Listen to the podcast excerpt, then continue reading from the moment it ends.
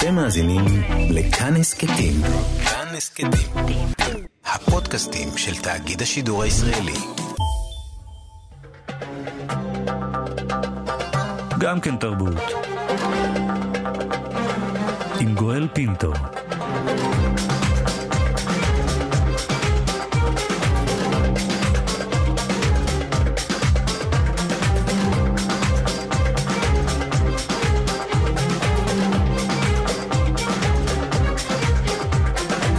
שלום, תודה שבחרתם להאזין לנו. הסכת אה, גם כן תרבות, המיטב מתוך התוכנית היומית שלנו, המשודרת בכל יום ברדיו כאן תרבות, 104.9, 105.3 FM. תהנו. גם כן תרבות, עם גואל פינטו. מאורע תרבותי מרגש. ארי פולמן פוגש את חנוך לוין. הבמאי שהביא לנו את ואלסים בשיר, עליו היה מועמד לאוסקר, את כנס העתידנים, את קלרה הקדושה, מביים לראשונה לתיאטרון, ולא סתם, אלא מחזה לא ידוע של חנוך לוין. ארי פולמן, בוקר טוב. בוקר מצוין. תודה שאתה איתנו הבוקר. רק עכשיו אתה מגיע לתיאטרון. כן, זה... זה תמיד היה, היה לי חלום כזה, שידעתי שהוא לא יוגשם, יש לנו מלא כאלה נראה לי, כי לא יהיה זמן וזה לא יסתדר, ואז אמ, לפני שנה וחצי ליליאן ברטו, אה, אלמנתו של חנוך לוין, אה, פנתה אליי אה, במחשבה קדימה להנציח 20 שנה למותו של חנוך, והציע לי לבחור אחד מ-22 המחזות שהוא כתב ולא לא הספיק לביים, או שלא עלו על במה מסחרית, ולביים אותו. והתחלתי לקרוא, 22, רק אלה שלא עלו, כן? Hmm. סך הכל האיש הזה, הפורע המדהים הזה, כתב 63 מחזות, זה מספר בלתי נתפס. אה, פחות או יותר במחזה השביעי הגעתי למתאבל ללא קץ, והפסקתי לקרוא את האחרים, כי הבנתי שזה מחזה חסר, חסר תקדים, ממש רגשית ושכלית ובכל אספקט, וזה כל מה שרציתי לעשות. אנחנו עוד... נוצר החיבור עם הקאמרי, ומשם זה התחיל. אנחנו נצלול אה, עוד רגע לשאלה מדוע דווקא מתאבל ללא קץ תפס אותך כל כך, אבל למה ליליאן פנתה אליך? אתה צריך לשאול אותה. אה, באמת, אתה צריך לשאול אותה. אה, אני חושב שאולי חיפשה זווית, שמישהו יבוא עם זווית חדשה, mm. אחרת, ממקום אחר. היא גם ידעה שיש לי רצון כזה, כי אנחנו סוג של חברים, ו... וזהו. מה בין התיאטרון לקולנוע? איך, איך עושים את השיפט הזה אל במה אחת מצומצמת, שאולי גם מצמצמת את הדמיון, את הרצונות, את ההוויות של במאי? אני חושב שזה הפוך. הבמה האחת אה, הלא קטנה שיש בה אחד, היא ממש לא מגבילה את הדמיון, היא מכריחה אותך להפעיל את הדמיון, ולנסות להביא את העולם שלך אל תוך אותו דמיון. אבל בסופו של דבר, במאי זה במאי, ואני מביים מזה סצנה, ואני מביים שחקנים, ואני חושב הרבה גם בכלים של קולנוע, למרות שזה למעשה one shot, long shot, של שעה 30 ו-35 דקות, בסופו של דבר, הסיפור בתמונות הוא סיפור בתמונות. זה, אתה יודע, יש הבדלים במדיום, אבל הם הרבה, כבמאי אני חושב שהם הרבה פחות דרמטיים ממה שחשבתי לפני שנכנסתי לזה. השחקנים הפחידו אותך? פתאום העבודה אה, מולם? מה הם עשו? הפחידו אותך במדיום השונה? תשמע, זה דבר מדהים. אה, היה לנו יום עיתונאים פתוח, ובכל ראיון שהגעתי אליו, המילה פחד חזרה. האם אתה פוחד, אה, האם אתה לא פוחד לעלות מחזה של חנוך לוין, האם זה לא מפחיד? אני לא מבין, מה הקשר בין פחד לבין בימוי? אני חושב שאנשים שמפחדים לא, לא הולכים לתחום הזה, יש להם לאן ללכת, הם לא, לא יהיו במאים ולא, ולא יהיו, אתה יודע, אה, מנתחים, אוקיי? תשמע, אני פוחד כל בוקר קשר. לפני שאני פותח מיקרופון. אבל אתה לא מביים. אני לא מביים, נכון. אז זהו. לא, ממש לא, להפך, אה, אחד היתרונות המובהקים בתיאטרון זה הזמן שיש לך עם השחקנים. Mm. כשאתה ב pre-production של סרט, זו תקופה של נגיד שישה, שמונה שבועות, שבעיקר נופלים עליך מלא תיקים ואתה צריך, אתה במרוץ כל הזמן נגד הזמן, בידיעה שלעולם לא תהיה מוכן עד הסוף. ואז העניין הזה של חזרות ושחקנים, נדחק תמיד למוצאי היום, ויש לך שעה וחצי פה, שעה שם, לפגוש את השחקנים, ואתה רק מסמן דברים. Mm. אתה לא באמת מצליח לפתח אה, דמויות בחזרות, אתה מצליח לעשות את זה כבמאי או עם התסריטאי. ופה, כשאתה נכנס לתקופה של שמונה שבועות, אה, שש שעות, כל יום, על מחזה של 44 עמודים, אתה יכול באמת לרדת לעומקים אדירים. אה, ואני חושב שההשפעה של השחקן על היצירה הסופית בתיאטרון היא הרבה הרבה יותר גבוהה מאשר בקולנוע. בגלל הזמן, פשוט הזמן שיש לו לעבוד על הדבר. איפה אתה פוגש את לוין? מי הוא לוין בשבילך? תראה, אני פוגש אותו בתור אה, נער, לא אישית כמובן, אה, אלא, אלא בתיאטרון, בחיפה עוד, אני חושב, זה היה במחזות כמו קרום ואורזי המזוודות, ואחרי זה יקיש ופופצה, הייתי חייל. ואני, אה, אני שגדלתי בבית מאוד מאוד פולני של ניצולי שואה, אה, שדיברו רק פולנית ואכלו אוכל פולני, וכל מי שנכנס הביתה היה כזה והגיע משם. אה, אז הדלק הזה שנקרא אה, אשמה וחוזק שבעצם מובע בחולשה, אה, הוא, הוא, הוא היה די הדלק של כל הילדות שלי. אז השפה שלו מאוד דיברה, מאוד דיברה אליי. אה, וזה היה יותר בפן רגשי, הרבה פחות אינטלקטואלי, פשוט אתה מבין את הדמויות, mm, כן? Mm. אמ, ואחרי זה זה, זה כבר נהיה בהתעניינות שהיא תרבותית.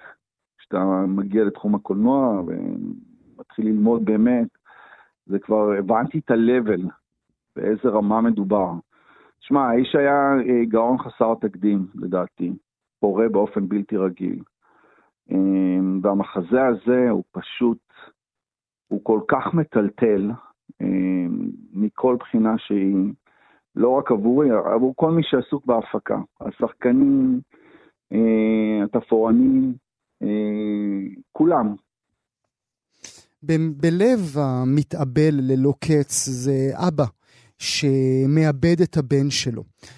ואנחנו כאן, אה, בכאן תרבות, אה, העלינו אך אה, לפני שבוע, שבועיים, הסכת מיוחד בין ארבעה פרקים שערכו רן ליטבין וענת שרון בלייס, שמו את ואני וחנוך לוין, והוא עוסק כולו, כולו, לאורך כל הפרקים, במוטיב המוות. אצל לוין. אתה מבין את מוטיב המוות הזה שלו, את החיטוט האינסופי שלו דווקא בזה, ואולי במיוחד בראי מתאבל ללא קץ? תשמע, אני חושב שכשלקחתי את המחזה, לא הבנתי אותו עד הסוף. גם כשקראתי אותו עשר ועשרים פעם לפני החזרות, לא הבנתי אותו עד הסוף. ורק כשראיתי אחרים, שחקנים, מדברים את הטקסטים, אחרי הקריאה, משחקים אותו, התחלתי להבין אותו. אתה לא יכול לרדת לעומקי חוויית המוות של אדם אחר. זה לא משנה אם זה באומנות או בחיים עצמם. אבל אני חושב שפשוט לחנוך היה מן הסתם את הכוח אה, ואת הדמיון להוציא את מה שהרבה אחרים, או רובנו חושבים, אה, בעיסוק בעניין הסוף. הוא פשוט ידע לשים את זה במילים, הוא ידע להניח את זה. אנחנו הישראלים או אנחנו בני האנוש? אנחנו בני האנוש, קודם כל. אה, המחזה הזה, שהוא אגדה שמתרחשת בארמון המלך כל המחזה קורה בחדר הילדים של ארמון המלך, שם המלך מאבד את ילדו במחלה, או ככה זה נדמה לפחות, שאתה רואה את זה. זה ממש מחזה כמו סרט שלא כדאי לעשות לו ספוילרים. ואז מסתבר שכדי להנציח את קובת היגון הזאת שהמלך חווה, באירוע עצמו, הוא מתחיל לעשות מעשים איומים רק לצורך ההרגשה ולצורך אה, המלחמה שלו באשמה על זה שכולם חיים, כולל הוא, אה, והוא לא יכול להתאבל ללא קץ, אוקיי? Mm-hmm. אם אפשר להניח את זה ככה. אז, אז אתה יכול לומר, אני חושב שזה מחזה אוניברסלי שיכל אה, לעלות על כל במה, אה, בכל מקום, עם תרגום, עם תרגום נכון. באמת ג'סיקה כהן, שמתרגמת נגיד את אה, כל העבודות של גרוסמן, תרגמה אותו mm-hmm. עכשיו, אה, תרגום מופלא. אז העיסוק במוות הוא אוניברסלי. מן הסתם, אה, כשקהל יצא מתיאטרון הקאמרי אחרי שהוא ראה את המחזה, האינטרפרטציה שלו תהיה מאוד ישראלית. Mm-hmm. בגלל השכול, אבל זה לא דבר שהייתי מניח על הבמה, אה, אה, בלי מטאפורה. מבין? לא הייתי הופך לעולם את הילד הזה לחייל, נגיד. כי, כי מה, כי זה, זה וולגרי? כי זה היה הורג את המחזה. Mm.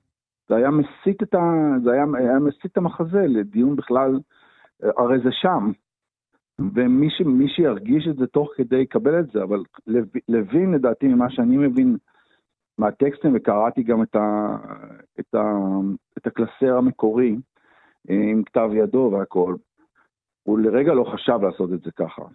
הוא, הוא תכנן להביא ילדים קטנים לבמה. וזה שהוא לא, זה שהוא רוצה או זה שהוא רצה בכל המחזות שלו, שאנחנו הצופים לא רק אה, נעביר שעה וחצי בסבבה שלנו, אלא גם נחשוב יותר לעומק, זה מה שהופך אותו למי שהוא, לגאון שהוא היה? בין השאר, בין השאר. אגב, אני, אני נאמן, אני מנסה להיות נאמן לחלוטין אה, לתפיסה הזאת שלו במחזה הזה. אה, זה לא, זה לא יהיה בידור חולה, כמו שקראו לזה בשנות ה-70 בטלוויזיה. זו תהיה חוויה מטלטלת, ואני גם שמח שכל התיאטרון הלך, הלך איתי על הדבר הזה. אה, אני רוצה שנשמיע למאזינות והמאזינים קטע מוסיקלי מתוך המחזה של אפרת בן צור, הצלילים יפהפיים, נדבר על זה בעוד רגע.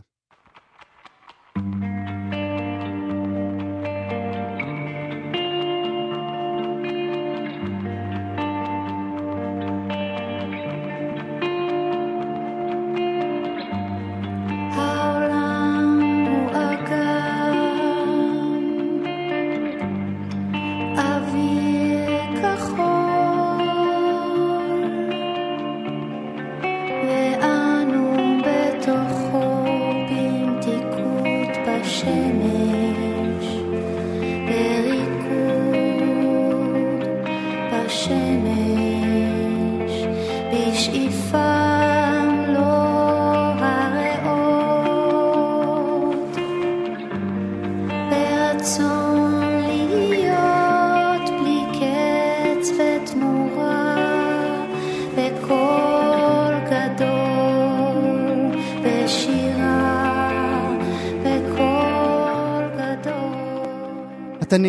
נשאר נאמן ללוין, אבל השיר הזה שלוין כתב ובן צור אה, אה, הלחינה, ושרה כמובן, לא היה שם. היה ועוד איך. אה, בתוך הקלסר המקורי, התיקייה המקורית שבה הודפס המחזה במכונת כתיבה, היו הרבה מאוד הערות שלו בכתב יד. אז כתב יד שלו היה כזה שהיה צריך להחזיר לחיים את מפצחי קוד האניגמה לדעתי בשביל, בשביל, בשביל להבין מה כתוב שם, אבל גם היה דף עם שיר בכתב יד ששודח בשטחן סיכות לאחד העמודים ספציפית בתוך המחזה, וזה היה השיר הזה ששמעתם עכשיו. הוא לא היה כחלק מהמחזה, הוא היה פשוט מודבק שם. אה, חתיכת דף קטנה, ואת זה אפי הלחינה. ושילבנו את זה בנקודה ספציפית בתוך, ה, בתוך המחזה. יש עוד שיר שהוא כתב אינטגרלית בתוך המחזה, שגם מולחן. אה, זה שיר יפהפה, ואחרי זה ברגע נורא קסום בהצגה כולה. והיה חשוב לך להכניס מוסיקה חיה, אפילו רקדנים, אפילו אה, תזמורת שם על הבמה ממש?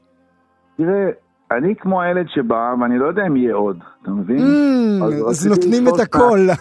אז אמרתי, אוקיי, אני כבר בא, בוא נעשה, בוא נעשה אירוע, לא נבוא בקטן. ואני חובב גדול של מחול, ולרגע לא חשבתי גם שעד שאני בא לתיאטרון לא יהיה מוזיקה חיה על הבמה, כי כל הרעיון זה שהכל חי ופועם מול קהל. אז אה, זה התחיל לגדול ולגדול, לממדים שזה נמצא בו עכשיו. ומה היית רוצה שהצופה והצופה ירגישו כשהם ישבו שם, ובעיקר כשהם יצאו משם? אה, הייתי רוצה שהם יעברו חוויה מטלטלת, אה, ושזה ייתן להם לחשוב גם, גם על המציאות שלנו, פה, אה, על מהות האבל כמו שהיא מקובעת אצלנו, וגם על החיים שלהם עצמם. אבל אם גרמתי להם רק לחשוב, ולא רק להתבדר, לא רק אני, כל מי, כל מי שעוסק במלאכה, בהצגה הזאת, אז, אז אז הצלחנו. זה גם מהתחושה שלך שהתיאטרון הישראלי הפך אה, בידורי יותר? תראה, אני רק נכנסתי לזה, אני חושב שיש פה, הוא, הוא מתחרה היום עם גורמים שהוא לא התחרה בהם, אה, כשחנוך לוין התחיל בטוח, וגם לקראת סוף חייו, וזה הכוח המטורף של הטלוויזיה והסטרימינג. והקושי היום להוציא אנשים מהבית ולשלם מה שצריך לשלם בשביל להגיע לתיאטרון. והרבה פעמים הוא מתחרה בכלים של הטלוויזיה עצמה. אה, עכשיו, אני מניח שגם ביחסי איזון של מה, מה הם צריכים לעשות בשביל לאזן את עצמם, אין להם הרבה ברירה, אבל mm-hmm. הם חייבים, להפך, אני חושב שזה יכולה להיות שעה אדירה לתיאטרון, ל, ל, ל, להתמודד מול התרבות המודרנית ולהציב לה אלטרנטיבה אדירה. זה, זה הזמן הכי טוב. ואגב, יש פריחה כזאת, לפחות באירופה, שאני עובד שם הרבה, יש פריחה אדירה של תיאטרון היום. כתנועת נגד. כתנועת נגד, ובאמת בהרחבת גבולות הדמיון, שהרבה פעמים הטלוויזיה יכולה אה, לחנוק אותו. Mm-hmm. גם את הקולנוע היא חנקה, לצערי, בהרבה מאוד, בהרבה מאוד מובנים. איזה מובן? אה, שוב, מובן של תריסת דמיון, כשאתה מסתכל היום על הקולנוע, שאתה חושב, נגיד, אה, גורם חשוב בקולנוע העולמי כמו פיקסאר. Mm-hmm. מה הם באמת ייצרו, איזה תוכן מקורי הם ייצרו מאז Inside Out, שזה היה בשנת 2015. הכל okay? אוקיי? בראש, כן. הכ... כן, הכל בראש. הכל זה שחזורים על שחזורים של מה שהצליח כלכלית. קח סרט כמו מלך האריות, ראיתי אותו עם, ה... עם הילדים שלי, הייתי בשוק. זה, זה הרי הבל הבלים, לשחזר ב-CGI סרט מופלא. ש... שנעשה רק לפני 20, 20 ומשהו שנה, עם אריות שמדברים בטבע שהוא לא טבע, שכולו עבודה... למה? זה, זה, זה קריסת הדמיון, במובנים רבים. אה, זאת אומרת שאתה בצד של סקורסזה, שאומר שכל הקולנוע של העשור האחרון זה איננו קולנוע בעצם, למרות שהוא מוצג על מסך גדול. לא, אני חושב שהקולנוע עבר, עבר שלב אבולוציוני מאוד קיצוני בזמן מאוד קצר. והחזון של ספילברג ולוקאס בשנות, בסוף שנות ה-70 הצליח, והקולנוע היום הוא חוויה בידורית, אה, והרבה יותר בידורית קלה מחוויה תרבותית עמוקה, והמולטיפלקסים ניצחו, ואתה הולך לקולנוע להתבדר. ואם אתה רוצה עומק, אז אתה יכול לראות את זה בסטרימינג. בנטפליקס. לא אתה יכול לראות את זה בנטפליקס, זה בסדר. אתה יודע, ויכול להיות שסרטים של ערן קולירן ונדב לפיד, טוב להם שהם יהיו בנטפליקס ובאמזון ויראו אותם, אה, יוכלו לראות אותם אה, מאות מיליוני מנויים, וגם mm-hmm. ככה הבמאים ירוויחו יותר כסף כי יהיו פחות מתווכים בדרך. ומי שרוצה לראות עוד אה, אגדה של מארוול מספר mm-hmm. 19 של אקסמן, שילך לקולנוע. זאת אומרת, זאת אומרת, אסון, זאת אומרת, אתה לא כועס עליי אם אני רואה את סיפור נישואין או את האירי אצלי על הספה בבית. אני אכעס עליך אם תגיד לי שסיפור נישואין זה סרט דגול, וזה זה, זה, זה דיון נפרד וארוך שאני נאלץ לנהל כבר שבועיים עם כל כך הרבה אנשים. אבל uh, כל הש... למה אתה צריך לראות את סיפור נישואין? מה הקולנוע בסיפור נישואין? אתה רוצה להתווכח על הסרט הזה? איזה קולנוע גדול יש בו שאתה צריך עכשיו לכתת רגליך בגשם שוחק ולראות אותו באולם קולנוע? ממש לא. איך כל זה משפיע על עבודת הקולנוע שלך? תראה, אני כבר שבע שנים, אפרופו, אה, ההבדל בין תיאטרון לקולנוע עובד על אדפטציה מצוירת לאמן של אנה פרנק. זה פרויקט עצום, אה, זה לא היומן עצמו, זה אדפטציה שעשיתי לו, אה, שחלקה הוא רק הספר שהוצאתי עם דוד פולונסקי לפני שנתיים, שהוא אגב שגם הוא בהצגה, כן. כן, הוא מעצב, אנחנו עושים שם דבר מאוד מעניין. אה, זה מאבק סיזיפי ומאוד ארוך, הסרט הזה, שמתקיים בהרבה מדינות, אבל הוא יצא השנה אה, אה, בסטאר, ואני מקווה שהיה שווה את כל, ה, את כל המסע הזה. למה זה לוקח כל כך הרבה זמן בעצם? יש רף מסוים בהפקות באירופה, אני לא עובד בארצות הברית, כשאתה עובר אותו, אתה... אתה, אתה מאבד קצת את העצמאות שלך. אם זה לא סרט, אמ, אם זה סרט עלילתי, אתה תאבד את העצמאות שלך בבחירת השחקנים, אה, כי המשקיעים שלך יתחילו להכתיב לך. אני בן אדם עצמאי וטבעי, אז אני לא, לא, לא יכול לביים סרטים שמישהו יבחר לי שחקנים. ואם זה באנימציה, אה, אתה חייב, נגיד בהפקה שלנו יש שש מדינות שותפות, אתה חייב להוציא את הכסף בדיוק במקום שקיבלת אותו. לא רק באותה ארץ, באותה עיר, לפחות 100% ממנו. אז זה יוצר קשיים, כשאתה מקבל הרבה כסף בלוקסמבורג וחיים שם 300 אלף איש ואתה צריך שחלק גדול מהם יהיו אנימטורים, זה בעיה. אתה צריך לשבת בלוקסמבורג ולצייר כן, את אה, אנה פרנק. איך, איך תמצא עכשיו אנשים בלוקסמבורג שיציירו 100 אלף ציורים? אתה יודע, זה קשה. והחוקים לא מאפשרים להביא, להביא ישראלי שישב במלון בלוקסמבורג? אם הוא ישלם אה, את המיסים שלו בלוקסמבורג במלון, אז הוא יכול, אה, הוא יכול, אני חושב שהוא ישתעמם קצת, אבל אני אגיד לך את האמת. אני אחזור שוב אל המילה שככה, איך אומר, הפתיעה אותך. ליצור יצירה כזו סביב אנה פרנק, זה לא מפחיד אותך? אה, גואל, אם, זה, מה יכול להיות uh, מפחיד בליצור? יש כל כך הרבה דברים בעולם שם שבאמת יכולים להיות מטרידים. אה, זה אנה. פרנק, ארי. אז בשביל זה אני אומר, כבר עברנו את אנה פרנק, אז עכשיו נתמודד עם חנוך לוין, עם זה שאי אפשר לשנות טקסטים, הכל בסדר, אבל תראה, אנה פרנק, אתה ראית את היומן הגרפי שהוצאתי מפולנסקי? יפה, יפה. לקחנו שם חירות, לקחנו שם חירות אדירה, ואתה יודע, אחרי, אחרי 30 עמודים דוד אמר לי, תגיד, מישהו שם במשפחה, הוא קורא את הדברים שאתה כותב? אמרתי לו, אני לא יודע, הם לא מגיבים. אז יכול להיות ש... או שאין שם אף אחד בצד השני של הקו, או שהם בסדר עם זה. ואז הוא אמר, אולי נתקשר, שלא נעשה עבודה לשווא, אנחנו עובדים כבר חצי שנה. ומי שמנהל את קרן אנה פרנק אמר לי, להפך, תיקחו את החירות איך שאתם רואים אותה, כי אנחנו צריכים להגיע לילדים היום. Mm-hmm. צריך לדבר בשפה של היום. זה, הפרויקט הזה של האנפאנק כמעט פרויקט חיי, כן? וזה, הוא סרט לילדים, וחשוב שיראו אותו ילדים. אה, וצריך להנגיש אותו כמו שילדים, אתה יודע, התחרות היום היא, היא קשה. זה לא קל להביא ילד למצב שיגיד לאימא שלו, אבא שלו, בואו קחו אותי לסרט איפה אנה פרנק. תחשוב על זה. כמה חירות אתה לוקח לעצמך, או האם אתה מרגיש גם עליך את עול ההיסטוריה, אה, להיות נאמן למה שאנחנו יודעים או לא יודעים שקרה לנערה הצעירה הזאת? תראה, קודם כל שיניתי את כל הסיפור, הוא קורה עכשיו, אה, הוא מתחיל בבית אנה פרנק באמסטרדם, וכתוצאה משרשרת ניסים ו... ופורס מז'ור של טבע, קיטי, החברה הדמיונית של אנה פרנק, שלה הקדישה את אה, כל היומן mm-hmm. בפורמט של מכתבים, מתעוררת עוד שנה מהיום בבית אנה פרנק. הבית נראה אותו דבר, היא לא יודעת שעברו 75 שנה, אה, והיא יוצאת למסע חיפוש אחרי אנה פרנק, תוך כדי, היא קוראת את היומן, אה, ואז יש לנו 50% מהסרט היומן המקורי, ו-50% זה אירופה היום, על כל המשתמע, שקיטי יוצאת שם למסע לחפש את אנה ולראות גם מה קרה לה בשבעה החודשים האחרונים, אה, אחרי שהפסיקה לכתוב. אז זה הסרט.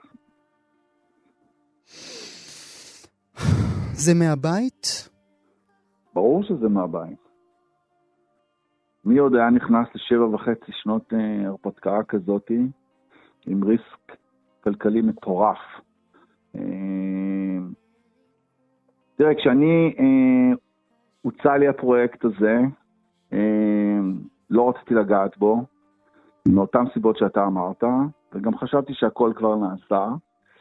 אבל הבחור היה חכם, הוא גם ראה את uh, ולסים בשיר, ואת ההקשר שלי, uh, מאיזה בית גדלתי, מאיפה באתי. אמר לי, תקרא שוב את היומן, תחשוב על זה, ואולי תלך לדבר עם אמא שלך, תראה מה יש לה להגיד. Uh, מזכיר לך את תחילת השיחה, כן, על האמא הפולניה, mm-hmm. קראתי את היומן, היומן, אתה קורא אותו כאדם מבוגר, לאבא לטינג'רים, אתה בשוק, שילד בן, ילדה בת 12 כתבה אותו, זה בלתי נתפס. בלתי נתפס היכולת שלה להסתכל על עולם המבוגרים ולעשות לו ניתוח. אה, ואז אה, נסעתי לפגוש את אימא שלי וסיפרתי לה על ההצעה, והיא אמרה לי את המשפט האלמותי, בני, תמיד האמנו בחופש הבחירה שלכם, לילדים, אבל אני רק אומרת לך, תבחר מה שאתה רוצה עם הסרט הזה, אבל אם לא תיקח אותו, אני אמות מחר בבוקר. אתה יכול לבוא לאסוף את הגופה שלי. זהו. ואם תיקח אותו, אני אחיה עד הבכורה. אז אם אתה שואל למה זה לוקח שבע שנים, אז הנה, היא בת 97, ואנחנו עובדים על הסרט שהיא תחיה עד הבכורה. מה היא אמרה לך בעצם ב"אם לא תיקח אותו, אני אמות מחר"? מה אתה חושב, היא אמרה, גואל? היא אמרה, תיקח אותו. לא, זה ברור, זה ברור, זה ברור שהיא אמרה תיקח אותו, זה ברור. אבל למה זה היה כל כך חשוב לה? כי אתה מספר את הסיפור שלה? אני חושב שאתה חי בחברה, כמו שאנחנו גדלנו והכול, יש לך, זה שיחות שגם אני מנהל הרבה עם האחיות שלי. אתה יודע, יש לך כל הזמן את, חוש, את, את, את זה פחד אגב, זה חשש, לא הדברים ששאלת מקודם, שכשאחרון ה, הניצולים לא יהיה איתנו, המרחק, כן, מהדבר עצמו, זה יהיה, במהירות האור זה יהפוך לנקודת מבט של אה, לוויינית. Mm. כי לא יהיו לנו, לא יהיה לנו עדות חיה. וההולוגרמות האלה שספילברג מייצר, לצערי לא יצילו אותנו, כן? אמ, ו- ו- וזה החשש הזה, שאתה אה, רואה את זה גם הרבה כשילדים שלך גדלים, אתה הולך, אתה הולך אמ, לטקסים שלהם. בימי השואה בתי ספר יסודיים זה, זה מגוחך, כן? יצטרכו למצוא דרכים חדשות אה, אה, ללמד את מה שהיה וללמוד מזה על מה שקורה היום. אה, אבל דווקא מהנקודה... זו ההתגייסות, אני חושב. אבל דווקא מהנקודה הזו, אולי דווקא היצירה, היצירה הזו שלך תיקרא או יצפו בה בעוד עשרים שנים בתור סתם משהו, לא בתור עדות לאסון הגדול שקרה? אמ, אני, אני, אם אני לוקח את היומן הגרפי כאינדיקציה, שאתה קראת אותו, אז ראית שיש בו הרבה חירות, mm-hmm. כן? אבל הוא נורא נאמן לסיפור האמיתי. נורא נאמן. אז שם היה, היה, היה לנו חשוב להוציא את הדמות של אנה פרנק לא כדמות איקונית, אלא כנערה אה, מצחיקה, אה, חדה כמו, אני לא יודע, אש יש בה, קצת, קצת גם קלפטה, כן? קצת יודעת לאתר חולשות של אחרים ולנגוע להם בנקודות נורא חזק. ממש בן אדם שלם. אה, אבל הסיפור שעליו היומן מתבסס, למרות כל הצבעים וכל איך שעטפנו את זה, זה הסיפור האמיתי, וזה מה שחשוב. אתה צריך למצוא דרך אה, מקורית ו- ונאמנה לזמן שבו אנחנו חיים לספר סיפור, אבל שהסיפור תהיה נאמן לעובדות. והסרט הזה, או הספר הזה, הם נאמנים לעובדות, וזה... פה החשיבות של הדבר בעיניי. מתאבל ללא קץ. אה, ארי פולמן מביים לראשונה לתיאטרון, אה, אה, מחזה שכתב חנוך לוין, עוד שבועיים, נכון ארי? עוד שבועיים זה עולה על ה... זה עולה ב-17 בש... בינואר, ובכל חודש יהיו מספר 5-6 הצגות. זה ירוץ עכשיו. אני מחזיק לך אצבעות, גם לזה, רבה, גם לסרט. תודה רבה על הכל. תודה רבה. אל הנושא הבא שלנו, סערה בצרפת עם פרסום ספר חדש, ספר בו מספרת הכותבת על הטרדה מינית שעברה כקטינה, אולי אונס. אה, מצד אחד הכוחות הספרותיים הבולטים בצרפת של אותם שנים, הוא היה בן 40, היא הייתה בת 14. כששמו התגלה לציבור, גבריאל מצנף, אף אחד לא באמת התפלא. שלום לדוקטור דורית שילה, המתרגמת והעורכת, בוקר טוב לך, תודה שאת איתנו הבוקר. בוקר טוב, גואל. גבריאל מצנף, אה, מספר מילים עליו. טוב, גבריאל מצנף אה, באמת אה, אף אחד לא הופתע, אבל גם לא צריך להתפלא יותר מדי מהטיימינג, לא, לא מזמן השחקנית אדלה נל גם חשפה שהותקפה בתור ילדה על ידי הבמאי הקולנוע בזמנו. זאת אומרת שמשהו שקורה בצרפת, שהתופעות האלה עכשיו נדלות אחת אחרי השנייה, אבל גבריאל מצנף הוא אכן... אה, דמות ייחודית בעולם הפדופיליה. הוא, היום הוא בן 83, ולאורך הקריירה שלו הוא חיבר אה, רומנים רבים, מאמרים חשובים מאוד, זכה בפרסים, ובעיקר לחיבוק אוהד מאוד מצד האינטלקטואלים הצרפתים ועולם הספרות. אה, הבום הגדול שהוא הנחית, כן, הוא אה, היה ב-1975, שבו הוא כתב חיבור, ספר, ששמו בני הפחות מ-16. שבו בעצם הוא מוסה, חושף את משיכתו לנערים ונערות קטינים משני המינים, ובעצם הוא מטלטל את הקוראים כי הוא משתמש במילה enfant, ילד, לתאר גם ילד וגם מתבגר. ומה שהוא עושה שם זה מניפולציה אה, מזעזעת, מרתקת יחדיו, כי בעצם הוא אומר בספר הזה שמה שמושך אותו זה לא אם זה מדובר בילד או בילדה, אלא בעצם הצעירות הקיצונית שלהם, קיצונית. שהוא פורץ אותה מגיל 10 עד גיל 16, ובעיניו הצעירות הזאת, שלא כמו שנהוג לתפוס אותה בחברה המערבית המודרנית, הוא קורא לה המין השלישי. זאת אומרת, אה, הוא עושה איזושהי אלוזיה לדוזיאם סקס, המין השני של זימון דה בובואר. זאת אומרת, יש גברים, יש נשים, ויש צעירות קיצונית ילדים מגיל 10 עד 16. והוא ממשיך וטוען שגיל 16 לנשים הוא לא מספר קבוע, שכן יכולות להיות מושכות מאוד גם אחר כך, מה גם ש... אבל ילדים הוא לא יכול לתאר אותם, יכול לתאר אה, יחסי מין עם ילד אה, נער מעל גיל 17, שכן הם כבר לא מושכים בעיניו יותר. עכשיו הוא אומר, אתם בוודאי תקראו לי אה, ביסקסואל, אבל אני בחצי הכנות, באותו חיבור הוא אומר את זה.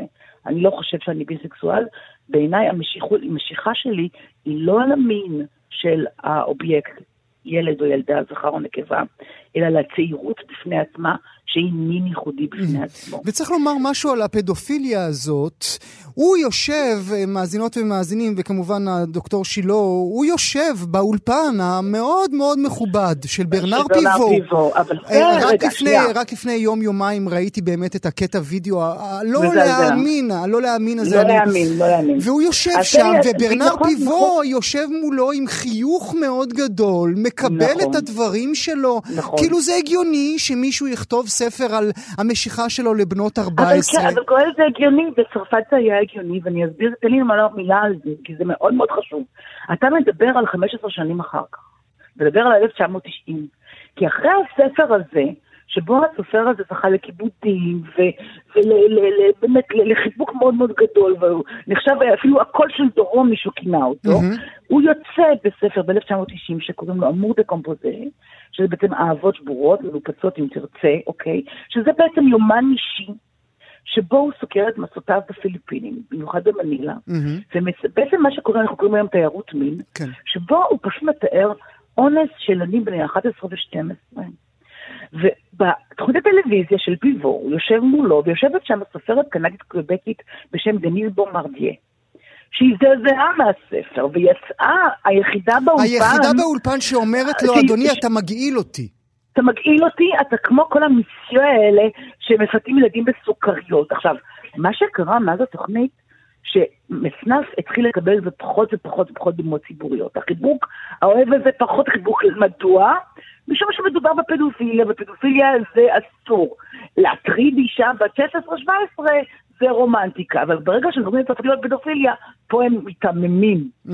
והיום, אני קראתי לא מזמן, אה, אה, אה, יש עיתונאית אחרת בשם פרנסואז לבורד, שדיברה בפרנס אנטרן, על, על, על אותה פחדנות של בנר פיבו בתוכנית אפוסטרוף מ-1990, והתשובה שהיה לפיבו לה, הוא אמר שהתשובה הבלתי נתפסת של האיש החכם והמוערך הזה, שבשנות ה-70 וה-80 הספרות עמדה מעל המוסר, mm-hmm. והיום המוסר ממוקם מעל הספרות. ומבחינה מוסרית לטענתו זו התקדמות, אבל הוא לא השלים את המשפט. איזה תשובה חצופה, מה זה אומר מבחינה ספרותית, האם זאת לא התקדמות. כי צריך לומר, וזה נאמר למאזינות ומאזינים, לצערי לא הבאתי לאוזניכם את הקטע הזה, הוא בצרפתית והוא ארוך, אז בחרנו שלא להשמיע לכם, אבל כן נאמר את לב הדברים.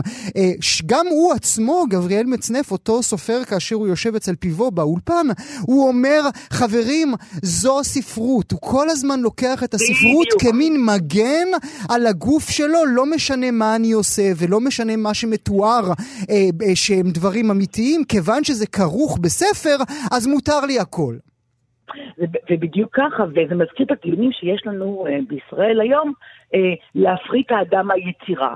כשמדובר על אה, נשים, אז אנשים לא מפרידים כל כך את היצירה מהאדם, אם, אם מישהו mm-hmm. סופר או משעון הטריד נשים. אבל כשמדובר בילדים, יש פה איזשהו טאבו ופתאום אפשרי. Mm-hmm. עכשיו, מצנף, אה, טוען גם שהחברה המערבית צבועה, שכן היא בעצם מתכחשת לחושניות שיש לילדים. יש לו כל מיני טענות כאלה, רציונל, רציונליות כאלה. אבל מה, אני רוצה לומר דבר אחד שהוא מאוד מאוד מעניין והוא מתקשר לראיון לא מזמן של הדלנן שנתן בטלוויזיה, שבו היא חשפה את ההתקפה המינית שלה, שהיא חוותה אה, בגיל 14 מידי הבמאי אה, כריסטוף רוז'ה. כי בעצם מה היא אומרת בסוף הדברים שלה? היא אומרת שבצרפת יש דברים שאפשר לדבר עליהם בפומבי ויש דברים שאי אפשר. אפשר לפגר למבובי. מה שבתחום הרומנטיקה, ובצרפת זה יכול להיות מפדופיליה עד הטרדות, אה, הכל עושים בחדרי חדרים, מה שקורה אצל המרכיזה בחדר, קורה אצל המרכיזה בחדר, אבל מה שכן מדברים עליו בצרפת בריש גלי זה פוליטיקה. Mm. והיא אומרת, אתם צריכים להבין שבעצם לדבר על פדופיליה זה פוליטיקה של החלש, וזה דבר שצריך להשתנות בצרפת, כי אנחנו צריכים להבין באיזה חברה ואנחנו רוצים לחיות. ועכשיו, לא מזמן, ראינו שוב את אותה דניס בורמרדיה שישבה באולפן עם ברנר פיבו, והיא אמרה 30 שנה עולם הספרות שתק. Mm. 30 שנה גם התנכרו לה בתור סופרת, mm-hmm. הוקיעו אותה בתור האישה הזאת, שמקריבה את הספרות למען שטויות, כן? והיא עכשיו, היא אומרת שזה שינה את מבטה על צרפת מקצה לקצה, והיא לא מצליחה להבין את קשר השתיקה. כמובן. בואי נגיד מילה על הספר שיוצא עכשיו. כותבת אותו כן. מולית בצרפת, כן. שהייתה בשם... אז בת 14 כשהוא היה נכון, בן 40, נכון. ורק היום, ממעמדה המאוד גבוה... ו... בדיוק. כן. נכון, קוראים לה ואנסה ספינג, אה, אה, ספרינגורה, היא בת 47. היא עורכת בכירה ומנהלת בהוצאת הספרים אה, ז'וליאר, ולספר שלה קוראים ההסכמה, mm. Le Consentement. Mm. וזה מעניין מאוד, משום שאדל אה, אנל דיברה על כך שהיא יצאה עם הסיפור שלה אחרי שהיא ראתה את הסרט על מייקל ג'קסון. Mm-hmm. העניין הזה של grooming, של לגדל ילד או ילדה שיסכים. בעצם, מה אומר מצנף כל הזמן? הם הסכימו, הם תמיד הסכימו, כן? אז היא מדברת על מה זה ההסכמה, על מה זה להיות ילדה בת 14, שפגשה אותו, את הבמאי, ששכנע אותה שבחדרי חדרים, כן, אותה רומנטיקה, אה, הם, הם נגד העולם, נגד המוסר הצבוע של העולם, ואיך הוא אונס אותה במשך כל השנים האלה. והיא אומרת, זה לא הגיוני שילדה בת 14 אוסף אותה גבר בן 40 מבית הספר, ובמקום ארוחת ארבע mm-hmm. שהוא צריך לתת לה, כן. היא מגלה את איבר מינו בפיה. כן, זה כן, מזעזע. כן, התיאורים נוראים. וכל העניין הזה שהיא מספרת עליו, על ההסכמה, על איך הוא גורם לה לרצות מתוך גילה הצעיר. אולי אה, מילה לסיום ברשותך, דוקטור אה, שילה. הצרפתים ילמדו פעם אתה יודע מה? אני חושבת שיש תקווה לכולם, ובוא... אפילו לאומה הצרפתית. אפילו לאומה הצרפתית. תראה, בוא נראה מה הם יעשו עם לוק בסון, כן? יש כבר שנה עומדת אה, טענת... כן, הם לא יעשו כלום הלאה, כן. בוא נראה מה עם פולנסקי. הם לא יעשו כלום הלאה. כבר, אה, תשמע, המפגינות אמיצות עמדו מאחורי שם, ממול שם כן, אבל עדיין קצין וג'נטלמן אה, מצליח בקופות גם בישראל, גם בצרפת, נכון. גם בקנדה, גם בכל מקום. טוב. אני רוצה להאמין שאנחנו בדרך הנכונה, גואל. הדוקטור אה, דורית שילה לעונג, אני מודה לך מאוד. תודה רבה לך שהיית איתי הבוקר. תודה רבה, גואל, בוקר טוב. ביי להתחול, ביי. אל הנושא הבא שלנו, על בלי מה. שם יפה לתערוכת צילומים חדשה שתוצג במוזיאון היכל שלמה בירושלים. במרכזה הדבר יפה פחות. אישה צלמת שאיבדה את בעלה ושני ילדיה בתאונה, בעזרת המצלמה שלה חוזרת אל רגעים קטנים של החיים. הצלמת שרה מוכתר נמצאת איתנו הבוקר. בוקר טוב, שרה. בוקר טוב. לצידך אה, עוצרת התערוכה ורדי כהנא. בוקר טוב, ורדי. בוקר טוב, גואל. בוקר טוב, שרה. בוקר טוב, ורדי. את... Uh, הנה, אני כבר... Uh, אני כבר מרגיש את זה עולה. את, את, את, את חווה את הנורא מכל. את חווה את הנורא מכל, בעל, אלון, אלה כן. ויואל. Uh, כולם, uh, כולם הולכים לעולמם בעקבות uh, תאונה מטומטמת. תאונת דרכים. אכן. את, אכן. את נפצעת, עוד ילדים נפצעים. כן. ומתי את מבינה שהמצלמה יכולה להציל אותך? אני מבינה את זה כשאחרי שאני חוזרת הביתה, אחרי שיקום יומיומי כחודש אה, בבית. אני חזרתי לחדר שינה יחד עם הבת שלי שישנה לידי. אה, היה רגע אחד שהיא פשוט ישנה לידי, הסתכלתי עליה, כשהרמתי את המצלמה וצילמתי אותה, הייתי חייבת לזכור את הרגע הזה, לשמור את הרגע הזה. אמ, המצלמה תמיד הייתה חלק מהיד שלך, או שהרגע גרם לך להוליד אותה מתוך היד? אני למדתי צילום בבצלאל. אמ, לפני שני עשורים סיימתי.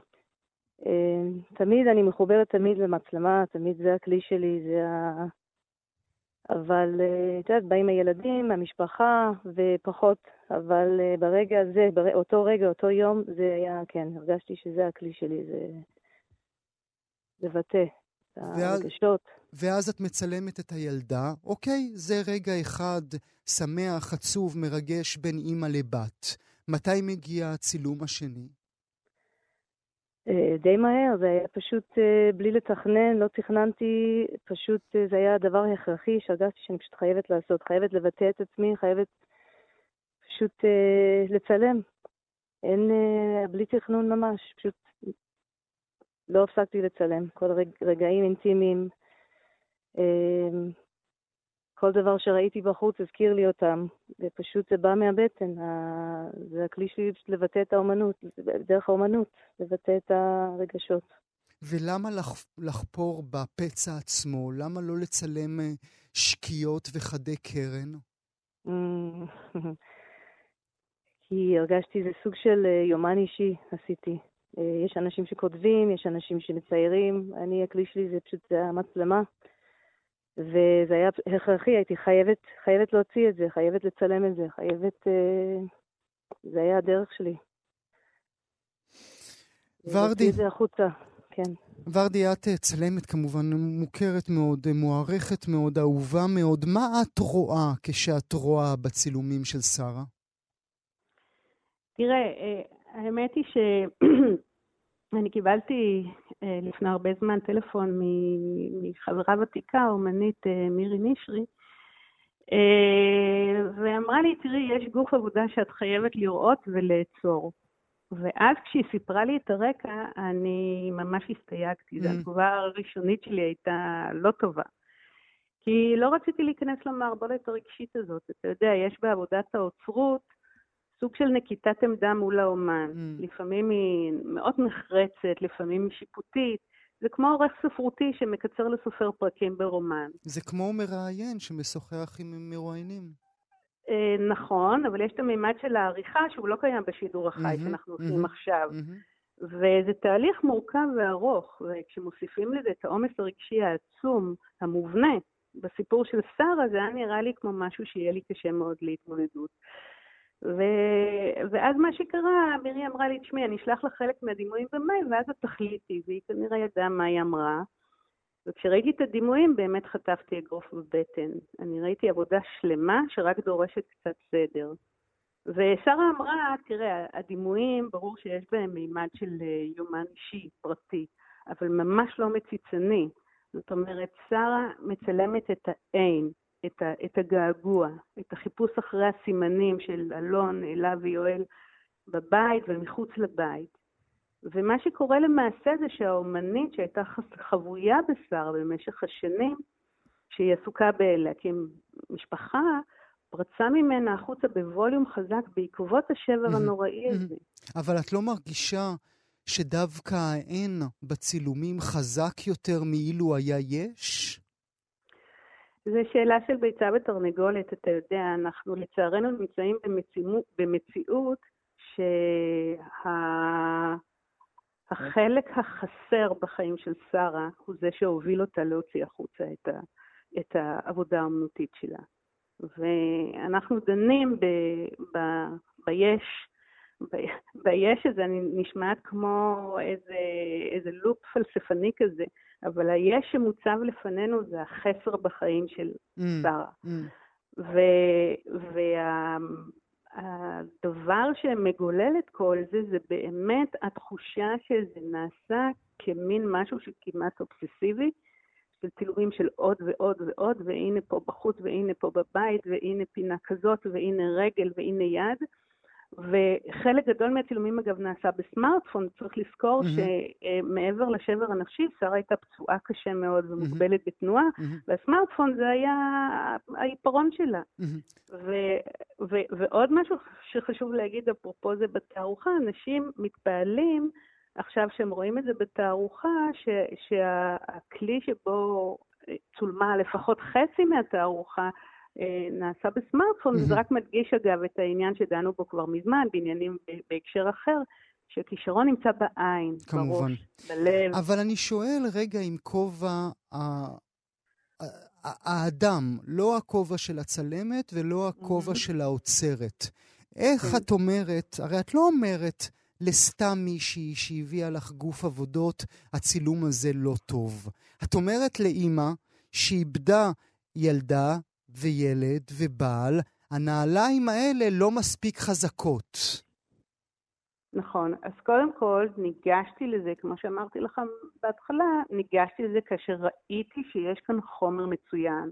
עכשיו, בתוך החומר המצוין, עשיית הסדר הייתה כרוכה קודם כל בשיחה אחת מקדמית, שניהלתי אותה את שרה, היא תוכל להגיד את זה מהזווית שלה, אבל היה לי חשוב נורא להבהיר שהדיון סביב התמונות חייב להיות ענייני. Mm-hmm, mm-hmm. אני לא יכולה ללכת בין הטיפות. Mm-hmm. והשיחה... זה הצילום, זה לא אלון, אלה ויואל, זה הצילום. נכון, עכשיו אנחנו מדברים על אומנות, והצורך שלי כאוצרת לומר לשרה כל הזמן מה לדעתי נכון ומה לדעתי לא נכון, לא יכול לקדש כל פריים, mm. וברגע שהיא קיבלה את זה, אז אתה יודע, זה התנהל נהדר. תראה, לפעמים עמדנו על המקח, כל אחת בצד שלה, לא, אבל זה כמו, טבעי.